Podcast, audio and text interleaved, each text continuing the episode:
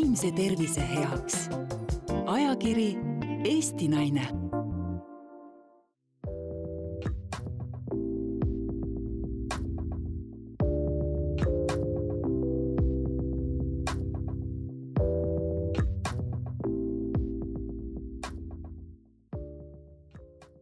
tulemast kuulama peaasi.ee podcasti Pearaadio. pearaadio podcastides räägime vaimsest tervisest ja selle hoidmisest. minu nimi on Kristel Aaslaid ja olen täna siin külalissaatejuhi rollis. minuga koos on siin täna ka Martin Muudu Kuut kes on teine külalisssaatejuht ma juba tunnen trigerdatud ennast, miks sa naerma mu nime peale hakkasid. ei, ma lihtsalt mõtlesin, et kas ma ütlen lihtsalt Muudu või ütlen ma lihtsalt Martin Kuut, aga siis ma panin kokku ja siis see kuidagi ajas mind naerma, et, et kuidagi imelik on niimoodi sind äh, tutvustada. hei, hei äh,, Grammofon on majas täna siin peaasjas äh,, Kristel ja Muudu. ning meiega on ka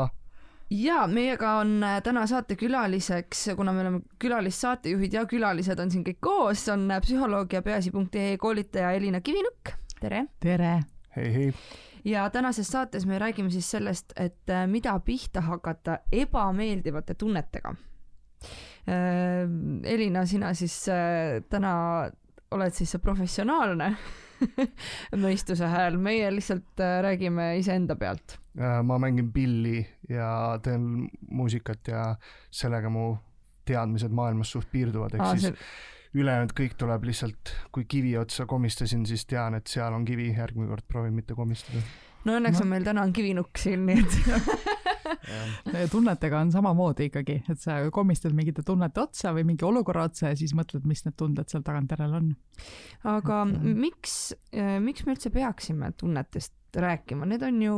need ei ole üldiselt ju inimestele näha, need on ju, toimuvad sinu sees, kas me ei peaks nendega siis ise üksinda oma sees tegelema, miks me nendest rääkima peame? Ma arvan, et see ongi väga tavapärane arusaam, et kuna need tunded on meie sees, siis me tegelikult ei oska neid väga sõnastada, me ei oska neid eh, kuidagi näppu peale panna, mis see tunne on, aga paratamatult need tunded, mis meil sees on, need mõjutavad ka meie seda käitumist, kuidas me välja reageerime ja vahel inimesed näevad seda, vahel on see eh, käitumise tagajärg selline ebamugav teistele ja siis seetõttu seda tunnetest vähemalt isegi võib-olla see tunnetest rääkimine ei ole tähtis, aga on aru saada, tähtis on aru saada, mis see tunne on minul enda sees sellega tuleb kohe meelde, mul äh, kunagi mm, üks, ähm, üks meesterahvas ütles, et ähm, et kuna ma olin kunagi väga selline pigem kurb ja hoidsin oma, no mitte ei hoidnud omaette, aga ma hinges olin kurb, välja seda enda arust ei näidanud. aga siis ta kommenteeris, et um, kui ta pani tähele, et ma päriselt õnnelikuks sain, et sa oled palju atraktiivsem kohe, kui sa ilus, kui sa oled õnnelik ja kui sa oled endaga rahul. nii et tegelikult võib küll öelda, et äh, ikka see sisepeegel. et mõjutab, on ju, et need, mis tunded on, vaata, aga nii julge äh, meesterahvas ka, et niimoodi seda välja tuua, et no, tundub, et midagi teistmoodi. eks ma natuke pressisin äh, Enda. ilmselt Aha. kuidagi seda vastust peale või ma ei mäletagi, kuidas see niimoodi teemaks tuli, aga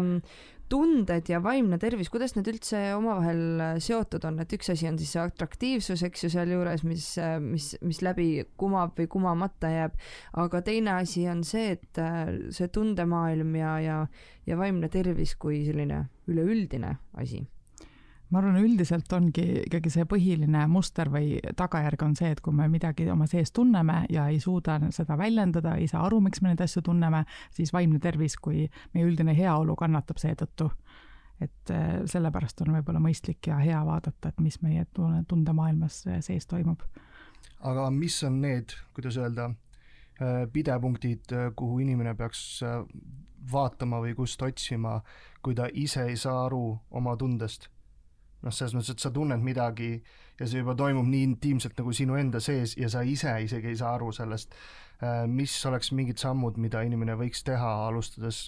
kas siis midagi iseseisvalt või kuskilt abi küsida? jah, ma arvan, et äh, selles on mitu erinevat äh, sammu ja tahku ja loodetavasti me jõuame siin ka selle podcast'i käigus veel mõnda asja detailsemalt vaadata,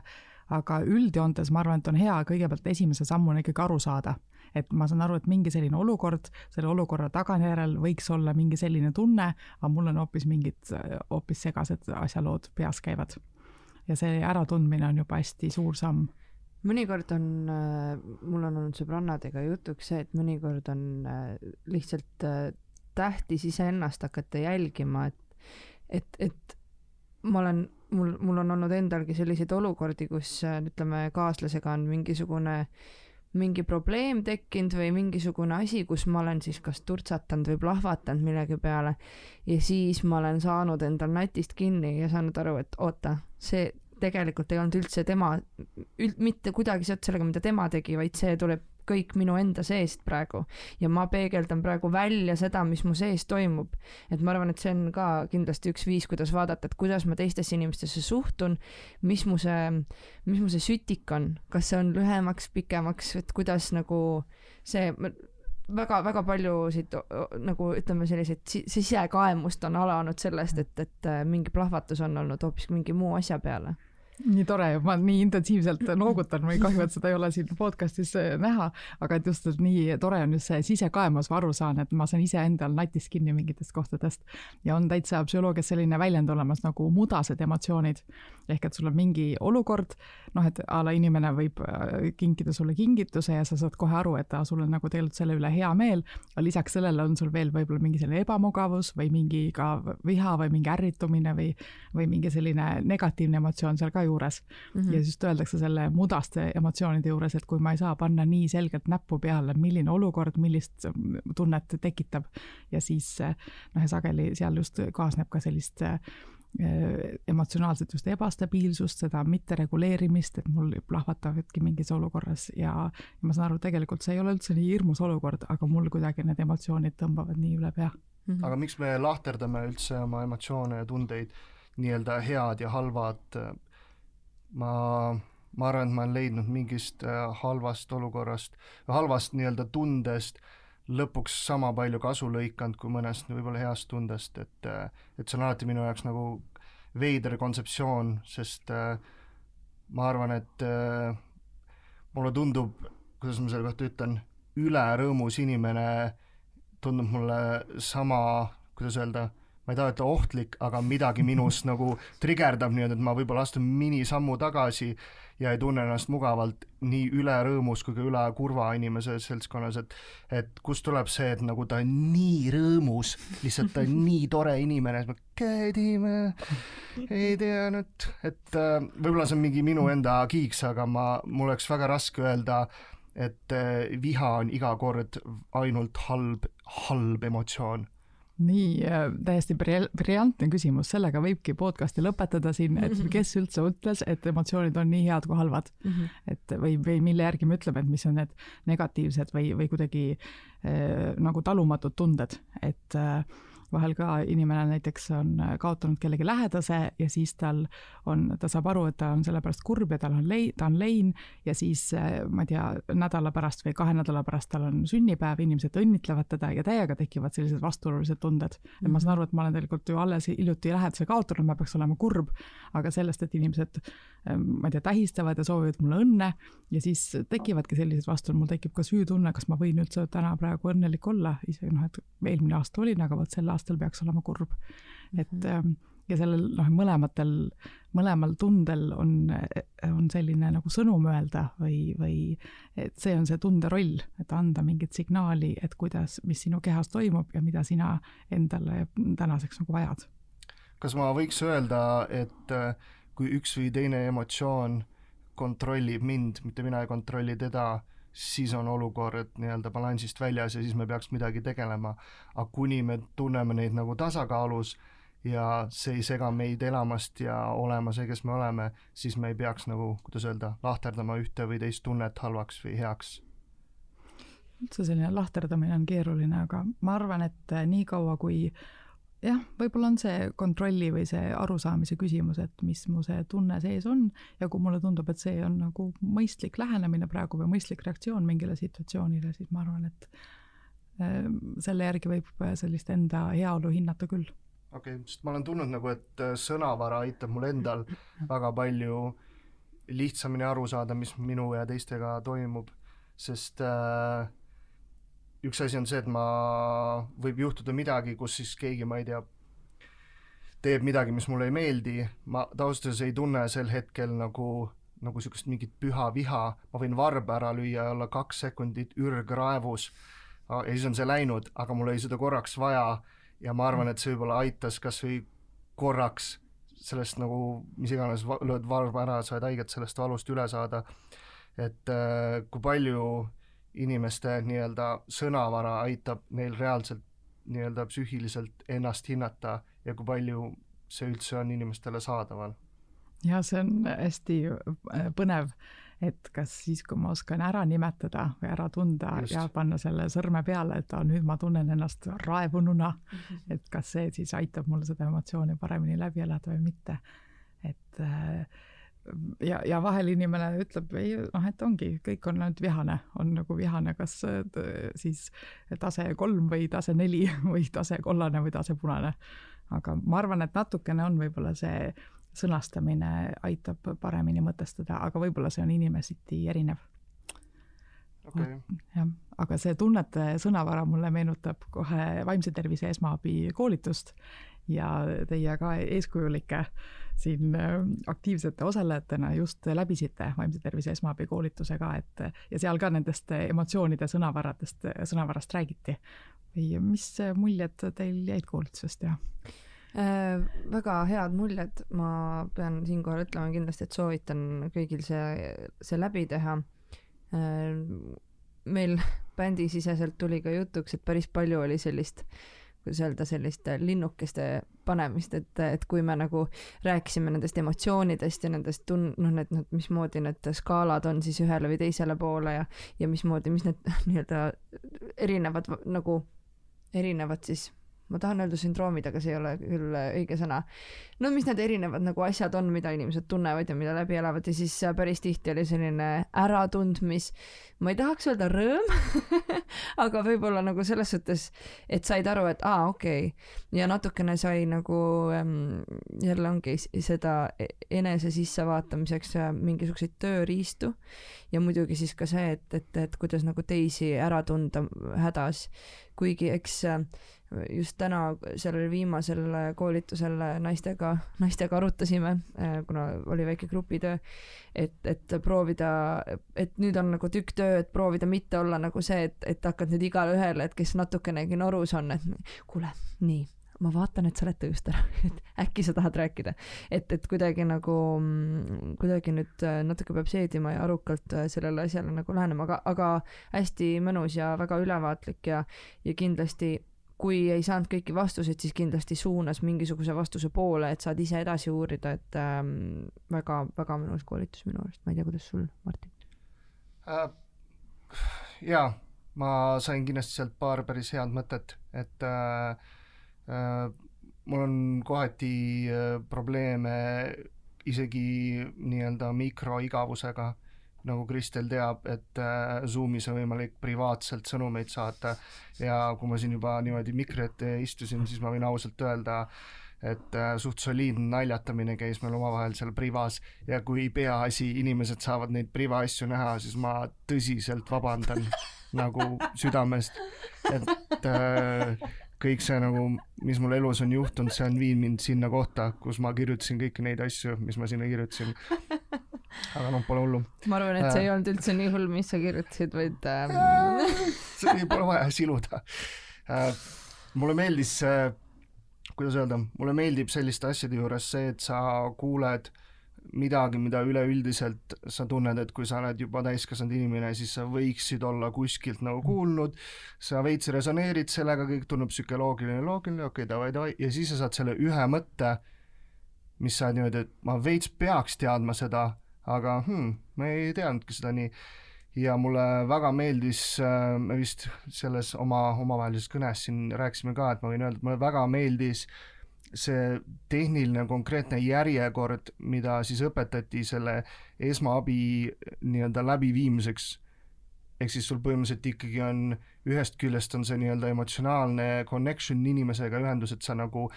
elad talle hingega kaasa ja oled seal, aga teisest küljest sa ei saa ka eitada, et on väga konkreetne tehniline teadmiste pagas, mis siis aitab sul seda asja nii-öelda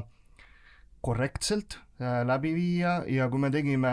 hakkasime tegema neid nii-öelda rollimänge selle koolituse sees, siis tuli välja, et väga paljud inimesed nagu oma loomupäraselt eksivad väga paljude nende reeglite järgi, et see, et see ongi väga konkreetselt mingi asi, kui inimene tahab ja huvitub sellest, siis ta peab selle üles kirjutama, läbi lugema, läbi mõtlema, ma arvan, et ma kindlasti kuna mulle meeldib oma kujutlusvõimega mingisuguseid trikke ja asju teha, siis ma kindlasti elan paar situatsiooni läbi,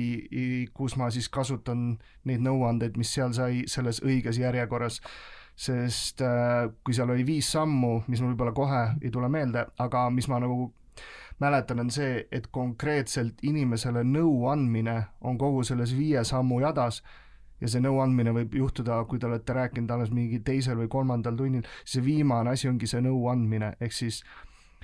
ehk siis meie ten-, tendents hakata kohe teise inimese hinge-südame asja lahendama nii-öelda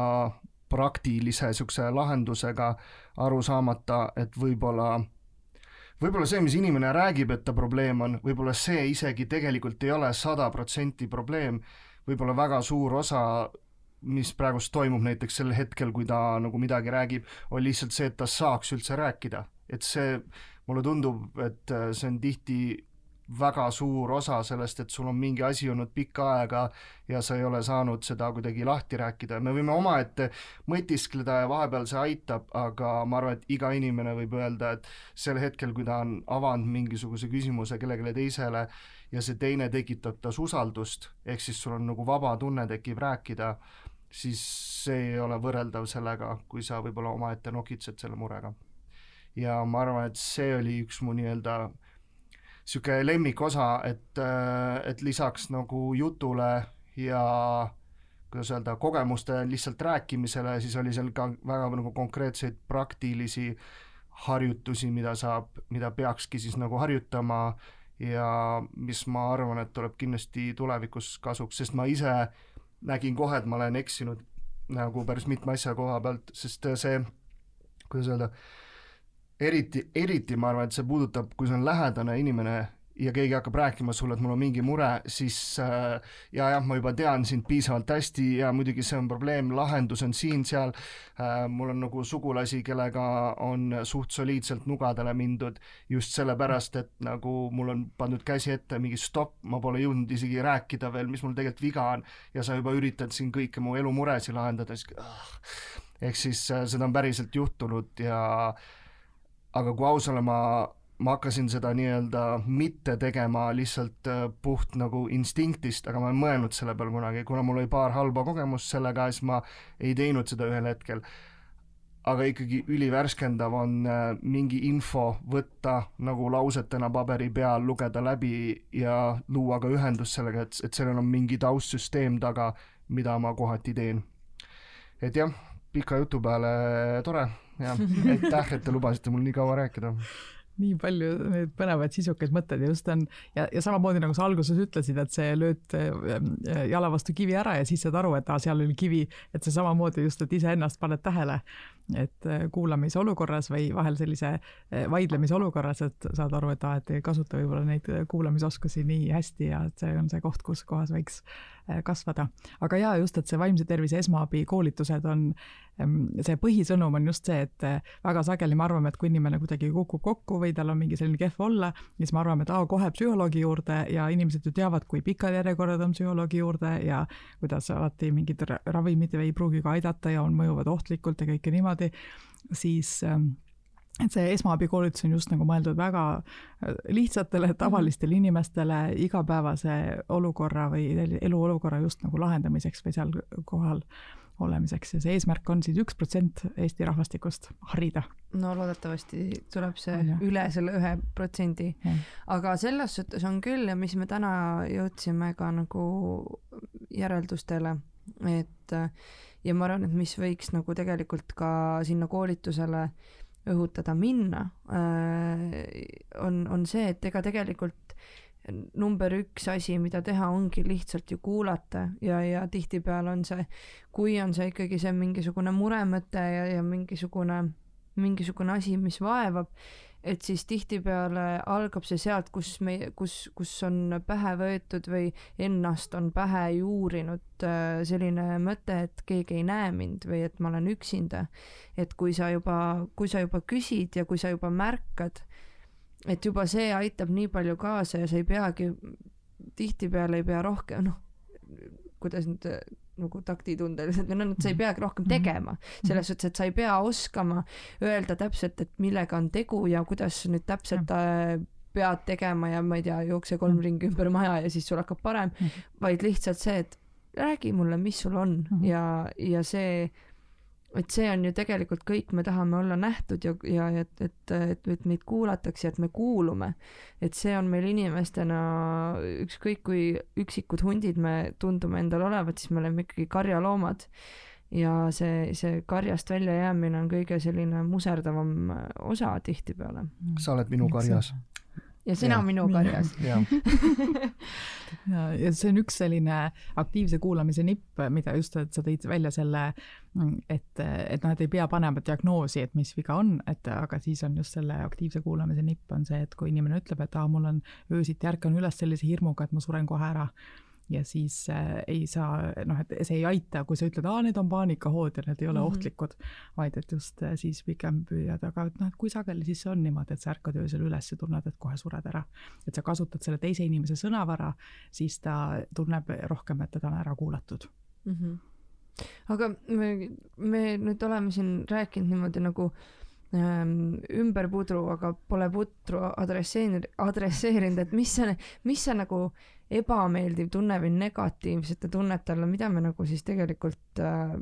liigitame üldiselt või nagu, et, et kuidas me selle, kuidas me selle nagu, mis on see ebameeldiv tunne siis, millest me siin niimoodi rääkinud oleme? Läheb sildistamiseks või? ei, tunnete sildistamiseks võib-olla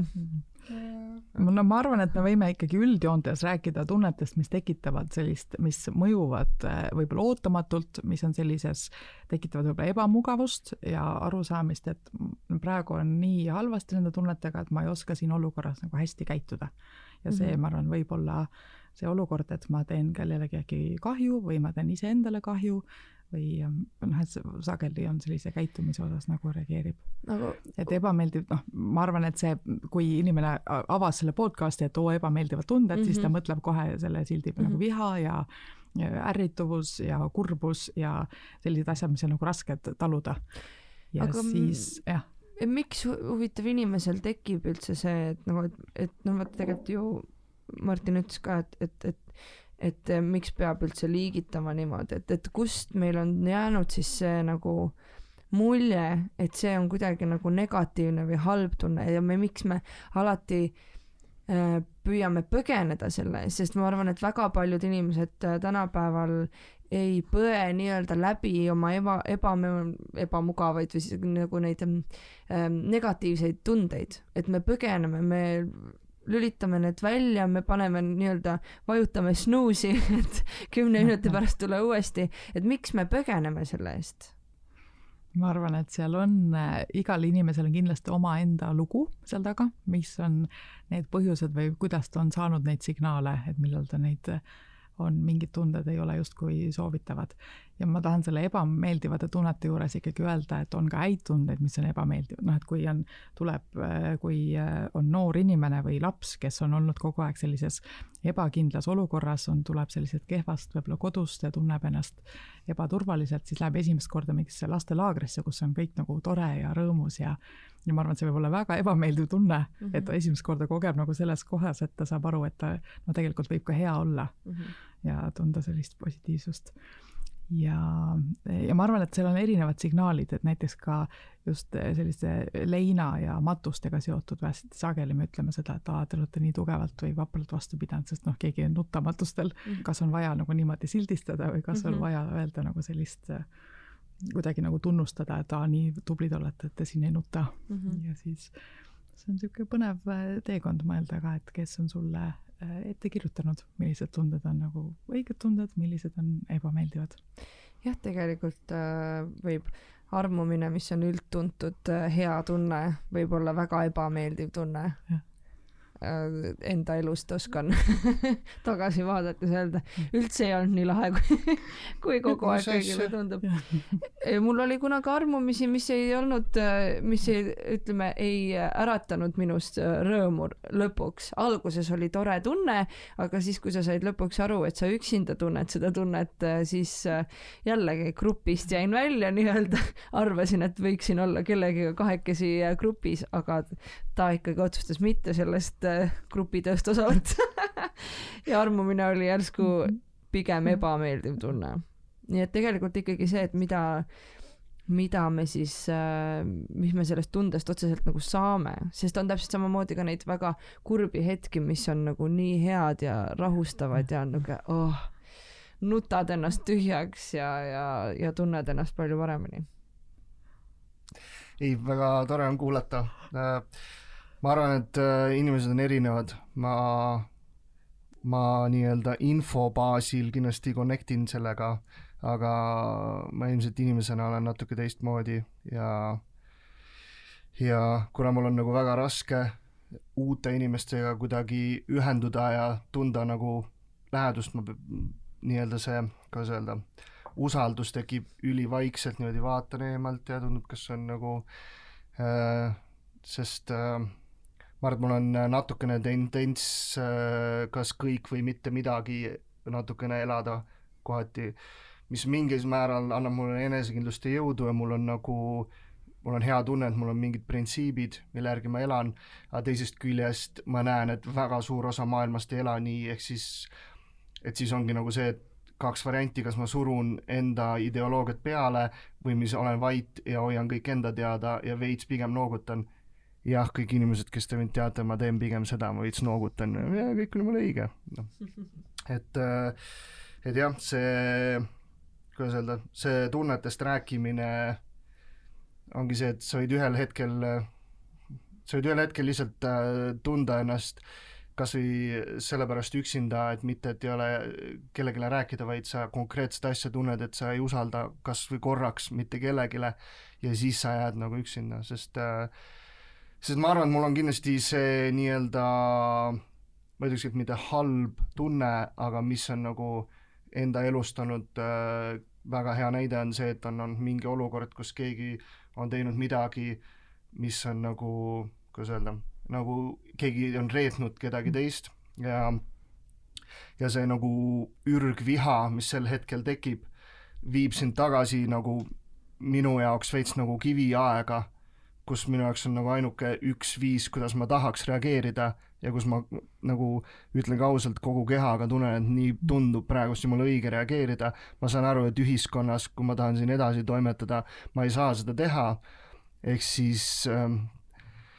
ma ütlengi, et ma olen praegust olnud mingis siukses väga pika aastate jooksul lahustuvas raevus, mis on nagu mingi ühe situatsiooni järel ja siis see nagu natukene, mis al-, alguses tundub nagu mägi, ehk siis no kuidas ma selle asja saan nagu reaalselt nagu, kuna ma normaalseks inimeseks tagasi saan, hakkad veits otsast midagi ja nüüd võib-olla päris mitu-mitu aastat hiljem on esimest korda tunne, et okei okay,, see vist on nagu tehtav, aga ma olengi nagu leppinud sellega, et see võib-olla kellelgi läheb kiiresti, aga kuna ma olen veits all in või kas sa oled nagu minu inimene või ei ole, siis mul lihtsalt võtab see nii palju rohkem aega. Ja ja ma ei kujuta ette, kuidas sel hetkel nagu seda protsessi nagu kiirendada või kui ma oleks selle loomuga, et ma tahan, et nüüd oleks kohe parem no kam-, noh, nüüd mm -hmm. teie olete ekspert, noh, nii Helina, kuidas mul hakkaks homme parem, nii, palun. see on no. nii hea, ma just mõtlesin, ma vastan nüüd selle peale niimoodi, nagu mul äh, nõustamissessioonil oleks ja, ja seal on see kindlasti, ma toetan, toetun hästi palju selle positiivsele psühholoogiale, inimese enda tugevustele ja hästi tahan välja just tuua. ma saan aru, see läheb isiklikuks ja meil siin väga ei ole, see podcast'i mõte ei ole ah, minna jah, nii isiklikuks, aga selles mõttes, et. Lähme isiklikuks aga et seal on äh, nii äh, see äh, nagu hea analüüs ja see hea nagu teekonna kaardistamine, mis sa oled enda jaoks teinud, sa saad aru, et on mingid asjad olnud minevikus ja nüüd on, täna sa oled jõudnud sinna, et sa tahaksid nagu, et kas on selle küsimuse juurde, et kas on võimalik tulla selle vana olukorra nagu saada enda vana mina tagasi ja siis vaadata, kuidas sa samm-sammalt vana mina on väga hea väljend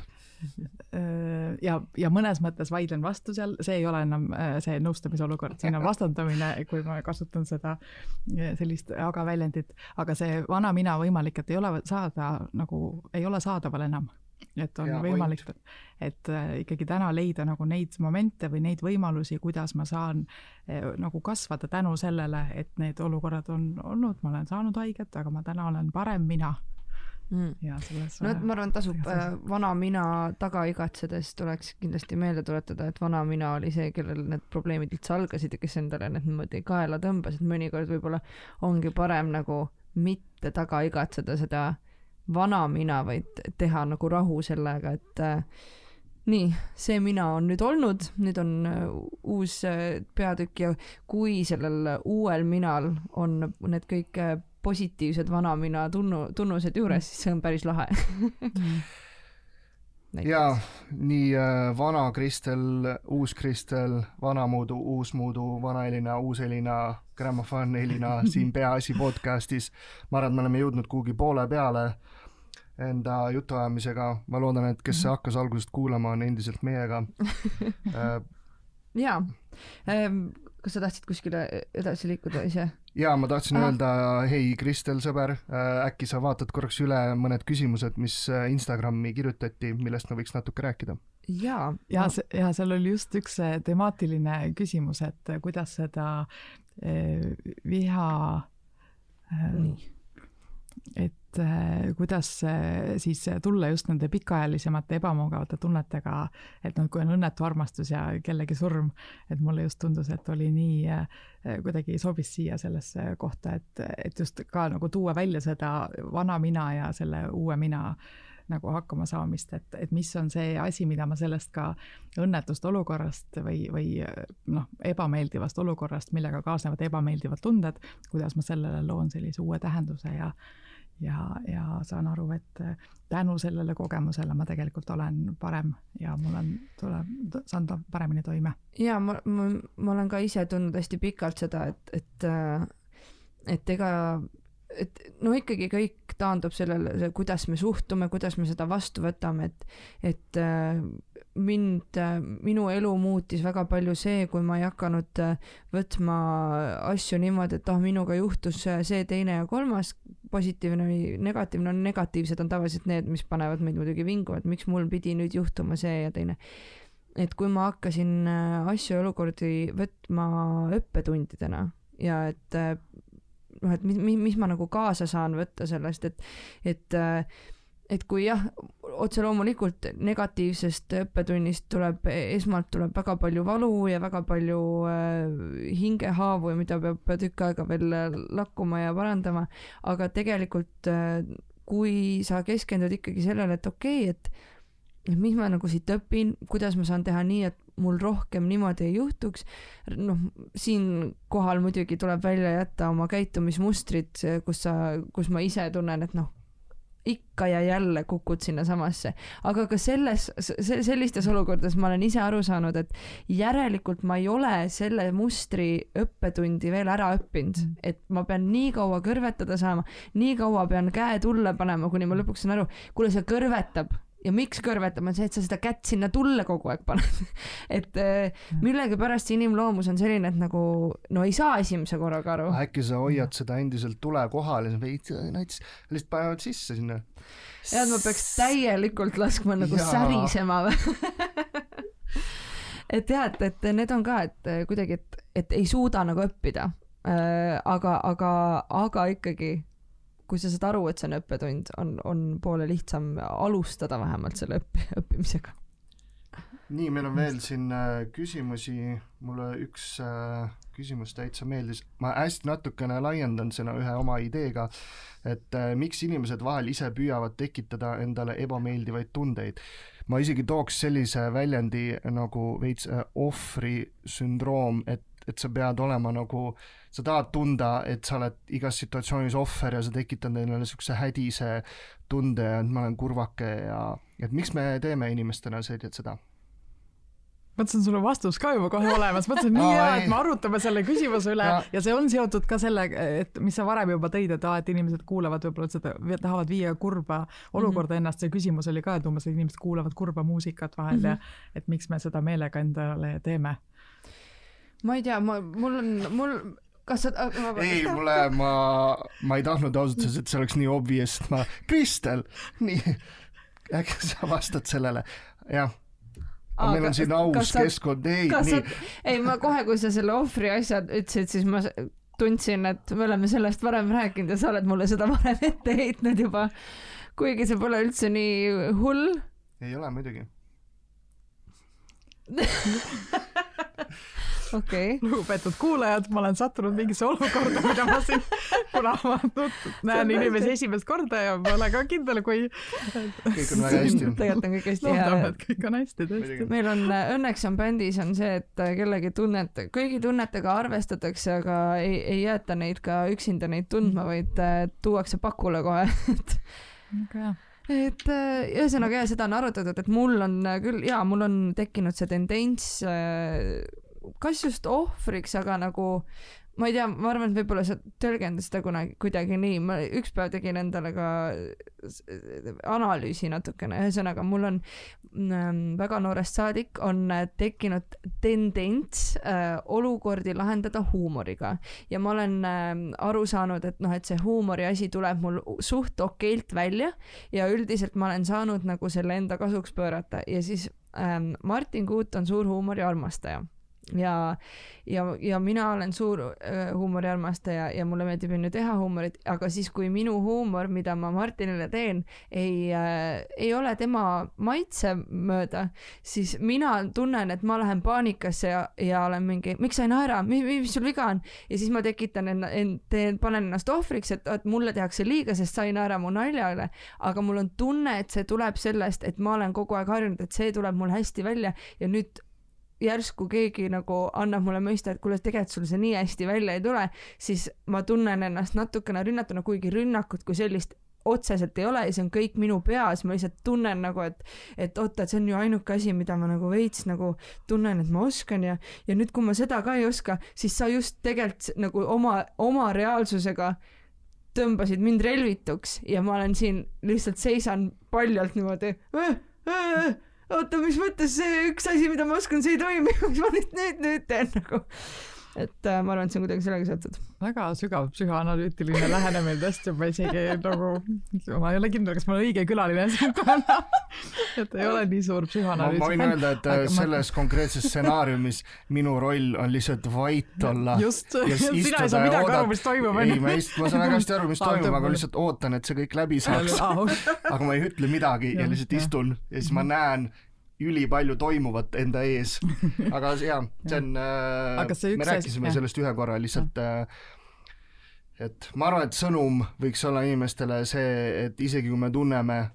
seda tunnet äh, ka omade seas, et võib-olla mingi asi, mis ma arvasin ja võib-olla keegi ei resoneeri kohe sellega,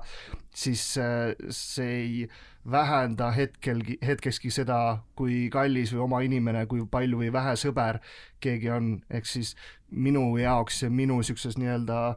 kuidas öelda, enda mõttemaailmas ma saan alati, kui tekib mingi situatsioon, toetada nagu sellele, et et see põhimõtteliselt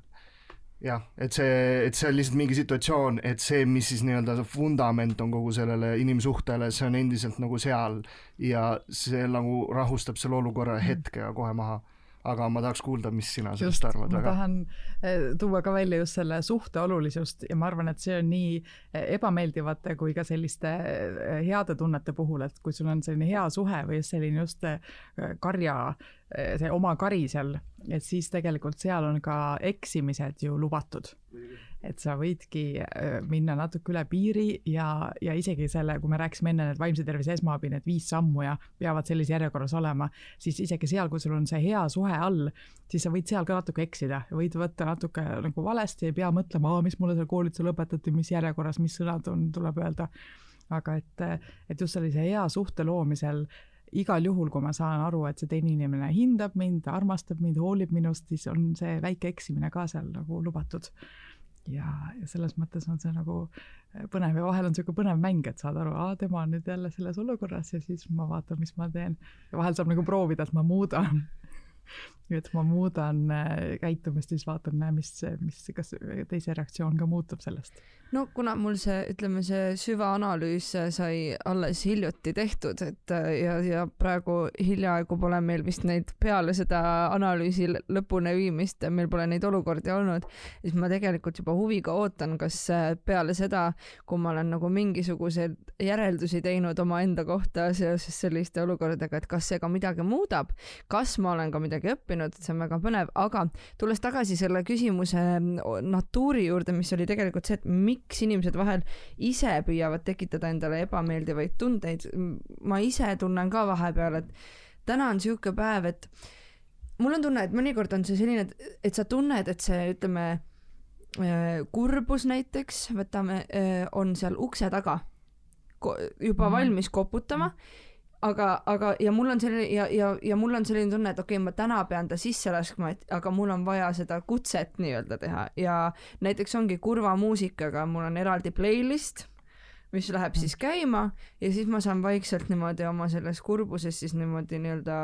marineerida, onju, et äh, aga et miks see, kas see ongi siis sellepärast, et me tunneme, et ta tegelikult on lähedal, et nüüd oleks vaja seda väikest lüket? Minule küll tundub, et inimeste selliseks paremaks eluks või paremaks hakkamasaamiseks on vaja aega kõikideks erinevateks tunneteks. ja noh, on lisaks veel ikka tundeid lisaks rõõmule ja kurbusele mm. -hmm. et võib äh, anda küll endale sellist äh, ruumi ja arusaamist, et need eluolukorrad, millest ma läbi tulnud, et need, nendega on kaasnenud ka mingid sellised tunded, mis võib-olla alati ei ole mugavad ja siinkohal ma arvan, et tuleb ikkagi äh, uurida ka teie käest, et teil on uus lugu väljas ja see on, see on väga temaatiliselt tõesti ka selline, tundub pigem kurblik lugu. see on, selle loo nimi on Melancholy, te saate seda Spotify'st ja Youtube'ist meie videot kõike vaadata. Ansambel Grammofon endiselt Kristeli ja Muuduga siin ja. ja see lugu sündis tegelikult sel ajal, kui just tekkis Covidi lockdown, mina olin Berliinis, kõik olid veits kodudes ja me ikkagi tootsime edasi muusikat ja äh, ja, ja ühest küljest oli see nagu natuke mingist seisundist, kus kõik on nagu üksinda ja veits üksikud omaette, aga teisest küljest äh, see oli siis meie nii-öelda näide sellele, et see melanhoolne seisund või mingi seisund, kus me oleme kurvameelne, see võib iga inimese jaoks tähendada natukene midagi erinevat, aga kuidas see kuidas me kõik nagu klikkisime, resoneerisime selle ideega ülikiiresti ja mina ja siis meie bändi kitarrist äh, Raul Ojamaa ja bassist, laulja Kostja, me põhimõtteliselt vahetasime siis nagu interneti teel ideid sellest ühest algsest ideest, mis mul oli, ja sellest sündis nagu lugu, mis meile kõigile väga meeldis, üsna valutult ja kiiresti ja ma arvan, et see üks osa sellest oligi just see, et see üleüldine kontseptsioon melanhoolsusest ja sellest, et see ei pruugi igal sammul olla halb asi me nagu mõistsime seda nagu koheselt, sest äh, ma ise võin öelda, et igasugune mingisugune emotsioon või asi, mis läheb natukene üle käte, et ka sa oled nagu kurb ja sa oled nagu täitsa nagu natuke peaaegu ahastuses kurb, minu jaoks on see väga raske hetk, kus loomet teha, aga kurvameelsus või siis, ehk siis mingi osa melanhooliast ma ei tea, ma mõtlen, kuidas seda sõnetada, mul on alati lihtsam luua mingi pilt ja siis seletada seda pilti, mis ma näen, et et kui on nagu niisugune nii-öelda mõtte eeskoda, kus ma lasen inimesi sisse ja seal toimub mingi suhtlus, seal on erinevaid inimesi, nii tuttavaid, võõraid,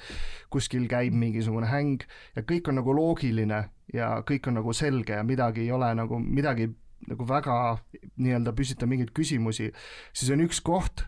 kus ma saan vaadata nii-öelda oma veits alateadvusesse, kus on mingid abstraktsed asjad, mis on tekkinud mingite kogemuste ja mingite positiivsete või halbade tunnete näol ja mul on nagu ava-, avar vaade sinna ja ma saan istuda seal oma mõttekoja ääre peal ja vaadelda seda, siis ma tunnen, et see ongi minu jaoks niisugune melanhoolsus, et ma olen eemal sellest nii-öelda muust osast ja eemal nendest inimestest, kes võib-olla jagavad minuga minu muidu niisugust mõtteruumi, aga ma ma endiselt olen sealsamas tegelikult, ehk siis ma lihtsalt, minu tähelepanu on pööratud võib-olla rohkem sissepoole ja vaatlen siis nagu mida iganes hullumeelset ja abstraktset seal on ja mida ma tunnen. et ma võib-olla tiht-, ma võib-olla ise olen nagu teinud selle vea, et ma olen vahepeal kukkunud sinna alla ja siis ma enam mitte ei vaatle nagu, olen selle jama sees ja vaatlen üles ja tahaks tagasi sinna ääre peale saada ja olla veits osa tavalisest normaalsetest inimestest. aga kui sa suudad seda balanssi ja sa suudad seal mõttekojas ringi käia ja tunda ennast kodus ka siis, kui sa lähed ja vaatad neid nii-öelda rohkem, kuidas öelda, nii-öelda teravamaid kogu, kogemusi oma minevikus, siis see, siis see ei pruugi olla mingisugune, kuidas öelda, halb kogemus, see võib olla mingi asi, mis võib-olla õpetab ja võib-olla isegi rahustab vahepeal. ehk siis see, see meie lugu ongi lihtsalt sellest nii-öelda selle seisundi mõlemast poolest, ehk siis see kurvameelsus ja see me kõik teame, et kuskil filmis me võime, vaatame mingit filmi, on veits kurb ja siis see kasvab kohe veits rõõmuks, et see tunne, ma arvan, on igale inimesele tuttav ja me proovisime siis selle looga midagi sellist teha, ma ei tea, kas see mõte oli loogiline, Kristel? väga äge. jaa, see mulle tundub see lugu sellise armastuskirjana melanhooliale, et ah,, et ta on nagu kuidagi kus sa oled aru saanud, et see nagu, see on tunne, mis on minus ja, ja kellega ma vahepeal date idel käin ja, ja et see ei ole tegelikult kõige hullem asi ja ma arvan, et äh, tihtipeale inimese enda sees tulebki see balanss ja see nagu kõik leida, et, et ei ole nagu ainult äh, must või valge, et, et tegelikult mm. on ju must ja valge ja kõik muu seal vahepeal ka veel, et, et need värvid teevadki ju meist meie ja, ja ma arvan, et mida rohkem me saame oma nende emotsioonidega siis tuttavaks ja sõbraks ja, ja tegelikult noh, sellepärast ongi hea mõte ilmselt nagu läbi elada need kõik. Mm. aga siin on ka tegelikult päris hea küsimus, et, ähm, et äh, mida teha, kui ebameeldivad tunded jäävad nagu aju närima, kui sa saad nendega nii-öelda tuttavaks, aga nad ei lähe nagu kuskile ära, et kas äh, ehk, ehk sul on mõni ja ma arvan, et see on hästi ähm, oluline juba aru saada ja siin te mõlemad tõite ka seda välja just, et ma tegelikult saan aru, et mul on see tunne seal kuskil ja siis äh, see küsimus on, et mis ma selle tundega seal äh, peale hakkan. ja, ja see on juba samm, väga paljud inimesed on see, et mina ei tea, ma ei tea, mis mul see tunne on mm. -hmm. ja siis üks selline äh, tore ka rääkides piltide keeles siin, tulen teiega kaasa, et üks selline nii-öelda teadveloleku või mindfulness ähm, Äh, praktika või võimalus on siis selline, et kujutad ette, et sa oled äh, bussijuht ja siis need äh, ebameeldivad tunded, ka mõtted, võib-olla negatiivne sisekõne, et need on siis reisijad ja nad on sellised agressiivsed reisijad ja su eesmärk on ikkagi see, et nad, reisijad on pigem seal tagapingil, nad ei tule kuskile ette õiendama sinuga. Ja siis üks asi, kuida-, üks viis, mis seal võib juhtuda, on see, et noh, et ongi seal keegi ebakindlus või mingi esinemisärevus seal kuidagi hüüab, et aa, et sa ei tule selle esinemisega toime ja siis siis vali oma teekonda, kuhu sa lähed. Ja siis sa tõesti saad aru, et ta tegelikult sa ei ole väga hea esineja ja siis võidki teha ähm, terve elukutse valiku, mõtledki, et ma tegelikult ei hakka muusikuna kunagi, mm, ei lähe lavale sest et noh, ma kardan ja siin sealt tagumine reisija ütleb, et ma tegelikult mm -hmm. ei sobi lavale ja, ja siis ma teengi valiku, ma lähen, teen mingeid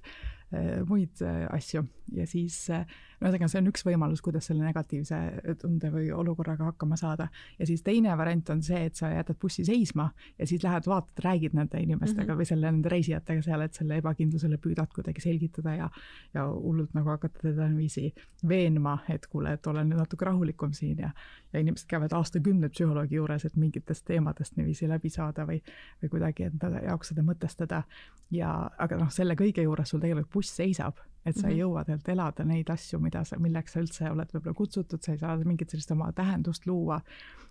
sa ei saa elu nautida, nii mm -hmm. nagu sul mingid eesmärgid oled enda jaoks seadnud, et see ongi see väljakutse või see ülesanne, mida sa iseendale saad anda, on just selline, see tasakaalu leidmine, et sa saad aru, et sul need ebamugavad tunded on, sa saad aru, et nad midagi püüavad sulle ette kirjutada, aga sa elad tähenduslikku elu sellest hoolimata mm. -hmm et see on, minu arust on niisugune tore paralleel, et aru saada, kuidas ma siis oma bussi juhin. kuidas panna siis paika, et mis see täpsemalt see ebameeldiv tunne on, et kas see on siis mingisugune enesekindluse küsimus, kas see on mingi kurbus, kas see võib olla mingi depressiooni alge, kas see võib olla mingi viha,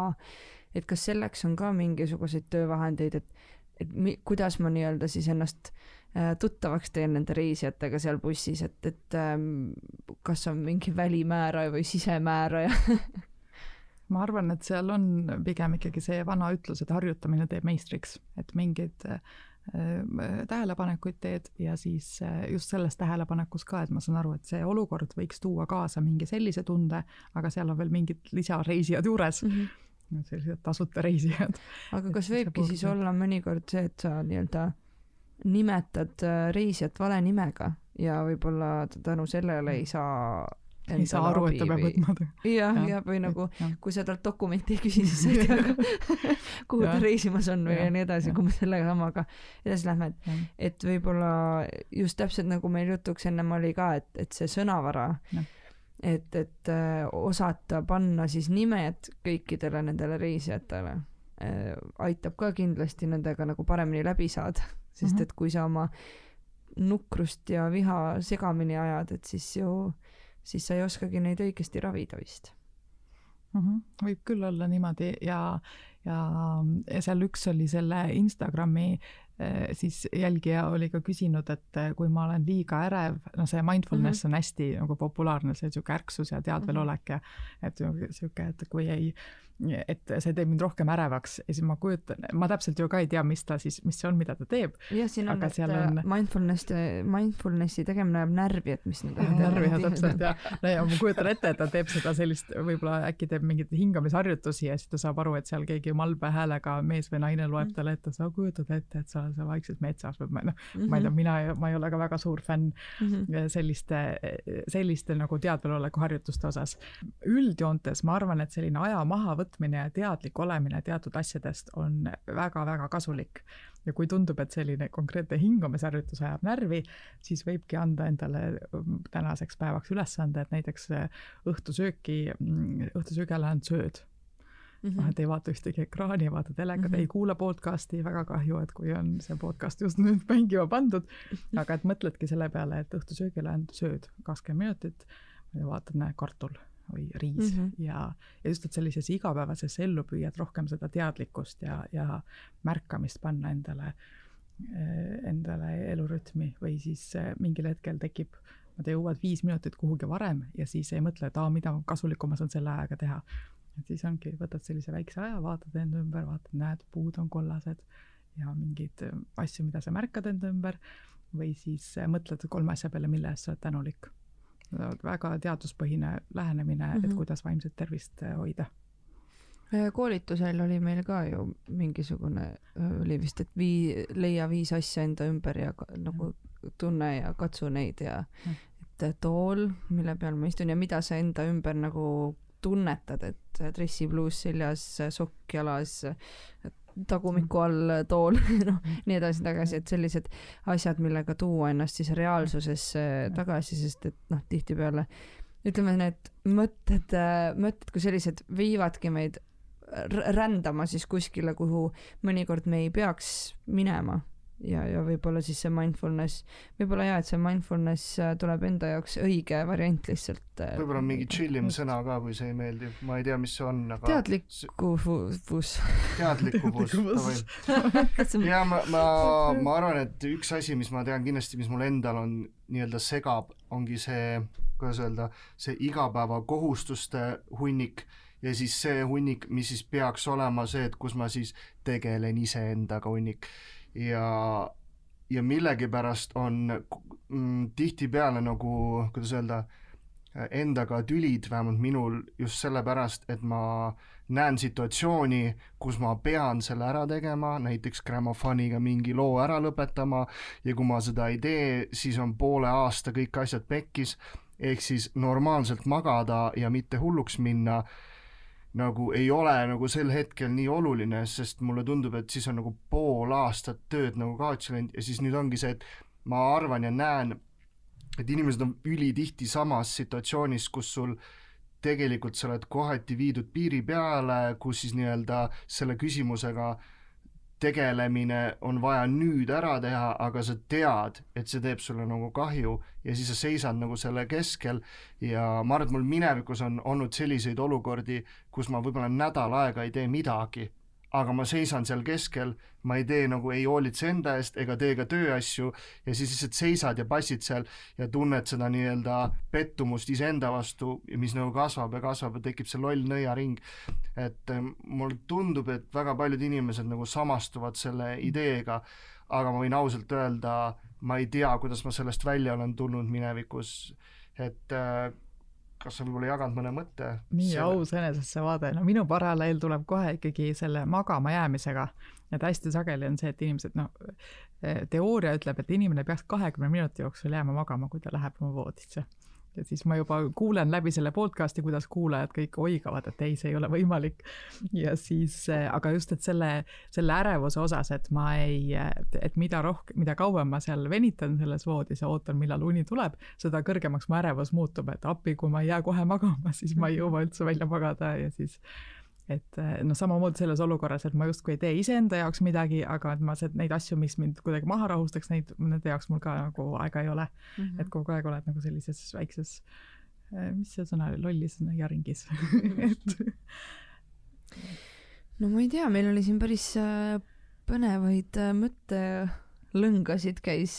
mina võiks rääkida veel paar tundi, aga ma arvan, et äh, inimesed peavad tööle minema või siis hakkama iseendaga tegelema ka need on ka head asjad. ja vaadake kindlasti Peaasi kodulehte, seal on äh, väga palju toredaid mõtteid ja häid inimesi, kes annavad nõu, koolitusi ja ka varasemaid podcast'e kuulake kindlasti meie oleme Muudu ja Kristel. Elinal on veel mingisugune mõte, mida ta kindlasti tahtis äh, veel. just, et selle koolituse kohta mm, -hmm. et saab lisainfot esmaabi.peaasi.ee ja mm -hmm. siis sealt saab veel registreerida ennast ka koolitusele, kui sul tundub, et on huvi. ja ma lõpetuseks veel tegelikult tahtsin teile öelda aitäh, et just selle, eh, ma usun, et sellel kunstivaldkonnal on hästi oluline roll et hoida inimeste vaimset tervist ja tunda ära, et ma tunnen samamoodi, nagu nemad on oma kunstis väljendanud ennast. ja ma arvan, me Eestis ei räägi väga sageli sellest või ei too seda välja, mulle tundub, et kunstiinimesed on sellised õhus hõljujad ja sellised ei ole nagu reaalsusega väga suures kontaktis, aga eks nad tihtipeale pole ka me tekitame endale oma reaalsuse. sellega on siin see podcast lõppenud. jah, ehm, jah, selles suhtes küll, et et meil on äh, hea meel äh, omada natukene sellist platvormi või siis äh, ja et, et meil on võimalus platvormide vahelist integratsiooni teha, kus siis me saame üksteist, üksteist aidata ja loodetavasti ei ole see viimane kord, kus me saame siis äh, nendest asjadest äh, ühiselt rääkida. Ähm, Äh, on sul veel mõni mõte, mis no, veel, veel mõni kompliment teile, suur tänu ikkagi